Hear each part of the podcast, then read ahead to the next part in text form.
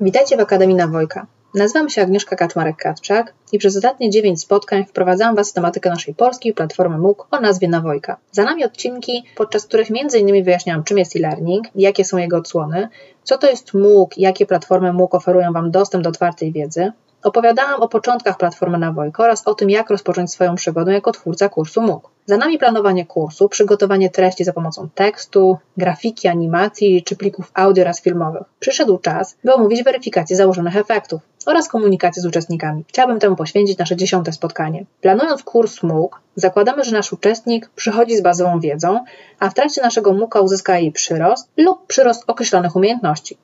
Jak jednak zweryfikować, czy ten przyrost faktycznie nastąpił? Służy temu polityka oceniania, którą ustalają autorzy kursu MOOC. Podobnie jak w kursach stacjonarnych, mamy do czynienia z ocenianiem kształtującym i sumującym.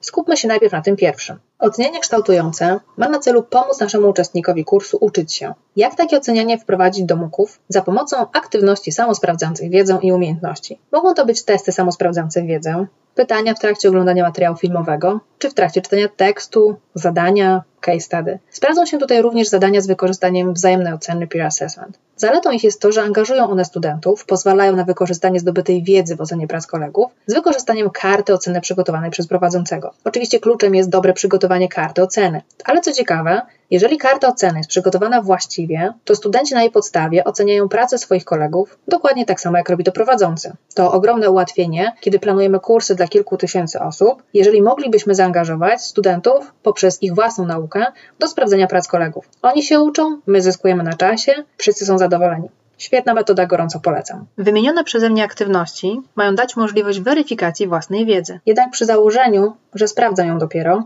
a nie weryfikuje jeszcze postępu. Co jest ważne, zgromadzona liczba punktów podczas wyzwania nie determinuje wyniku końcowego.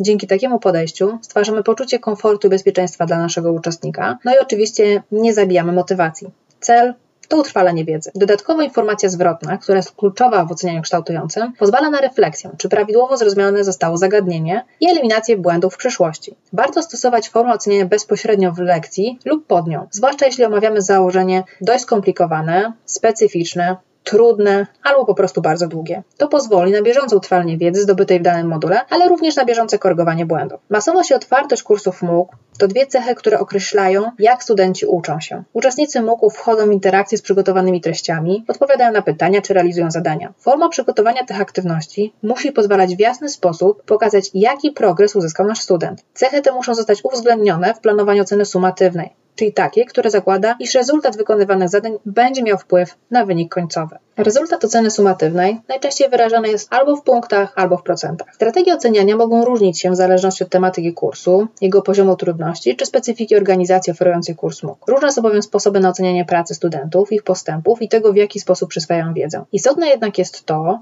jak ułożyć te sposoby oceniania na osi kursu. Zbyt częsta ocena sumatywna stresuje i w efekcie końcowym może demotywować. Zbyt rzadka ocena sumatywna z kolei może osłabić motywację uczestnika. Niezależnie od specyfiki tematyki kursów MOOC, ocenianie efektów, czyli ocena sumatywna, ma kluczowe elementy strategii oceniania, takie jak jasno określone kryteria oceny, które podajemy uczestnikowi już na samym początku kursu, publikujemy je nawet w etykiecie kursu. Czyli student, uczestnik kursu MOOC, jeszcze zanim zapisze się na nasz kurs, już wie, w jaki sposób będzie oceniany. Co więcej, odnosimy się w trakcie trwania kursu właśnie do tych kryteriów oceny. Stale o nich przypominamy. No i ostatni, trzeci element. Udzielamy informację zwrotną do efektów i do postępów z kursu. Z oceną kształtującą oraz z początkami kursów MOOC związane jest bardzo mocno budowanie społeczności kursu. Na platformie Nawojka można ją tworzyć za pomocą forum globalnego. Jest to przestrzeń dyskusyjna pozwalająca na komunikowanie się z prowadzącym, moderatorami oraz uczestnikami. To na niej prowadzący ustala zasady komunikacji z grupą, jej formę, informuje, czy zakłada komunikację synchroniczną czy asynchroniczną ze swoimi studentami, czy może synchroniczną w określonych jednostkach czasu.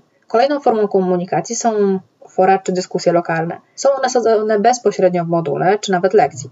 Pozwalają one na zadawanie pytań dotyczących danego modułu czy lekcji oraz refleksję nad omawianym zagadnieniem czy realizacją aktywności zaproponowaną przez prowadzącego. Przestrzeń dyskusyjna pozwala na poznawanie się społeczności i wymianę doświadczeń. Często, zwłaszcza w przypadku kursów, w których uczestnicy są z różnych krajów, e, przestrzeń networkingowa przenosi się do social media czy na inne formy dyskusyjne, gdzie uczestnicy dalej omawiają tematykę kursu i stają się samouczącą społecznością. Miałam dzisiaj mówić również o komunikacji w kursach MOOC a ta silnie związana jest z informacją zwrotną, udzielaną w ramach oceny kształtującej oraz zbudowaniem społeczności kursu. Na platformie Nawojka społeczność taką możemy tworzyć za pomocą forum globalnego. Jest to przestrzeń dyskusyjna pozwalająca na komunikację się z prowadzącym, moderatorami oraz uczestnikami. To na niej prowadzący ustala zasady komunikacji z grupą, jej formę, informuje czy zakłada komunikację synchroniczną czy asynchroniczną, czy też synchroniczną w określonych jednostkach czasu, lub też, jak można spotkać na zagranicznych platformach, podaje godziny konsultacji i miejsce, w których będzie dostępne dla swoich uczestników kursu MOOC. Kolejną formą komunikacji są fora bądź dyskusje lokalne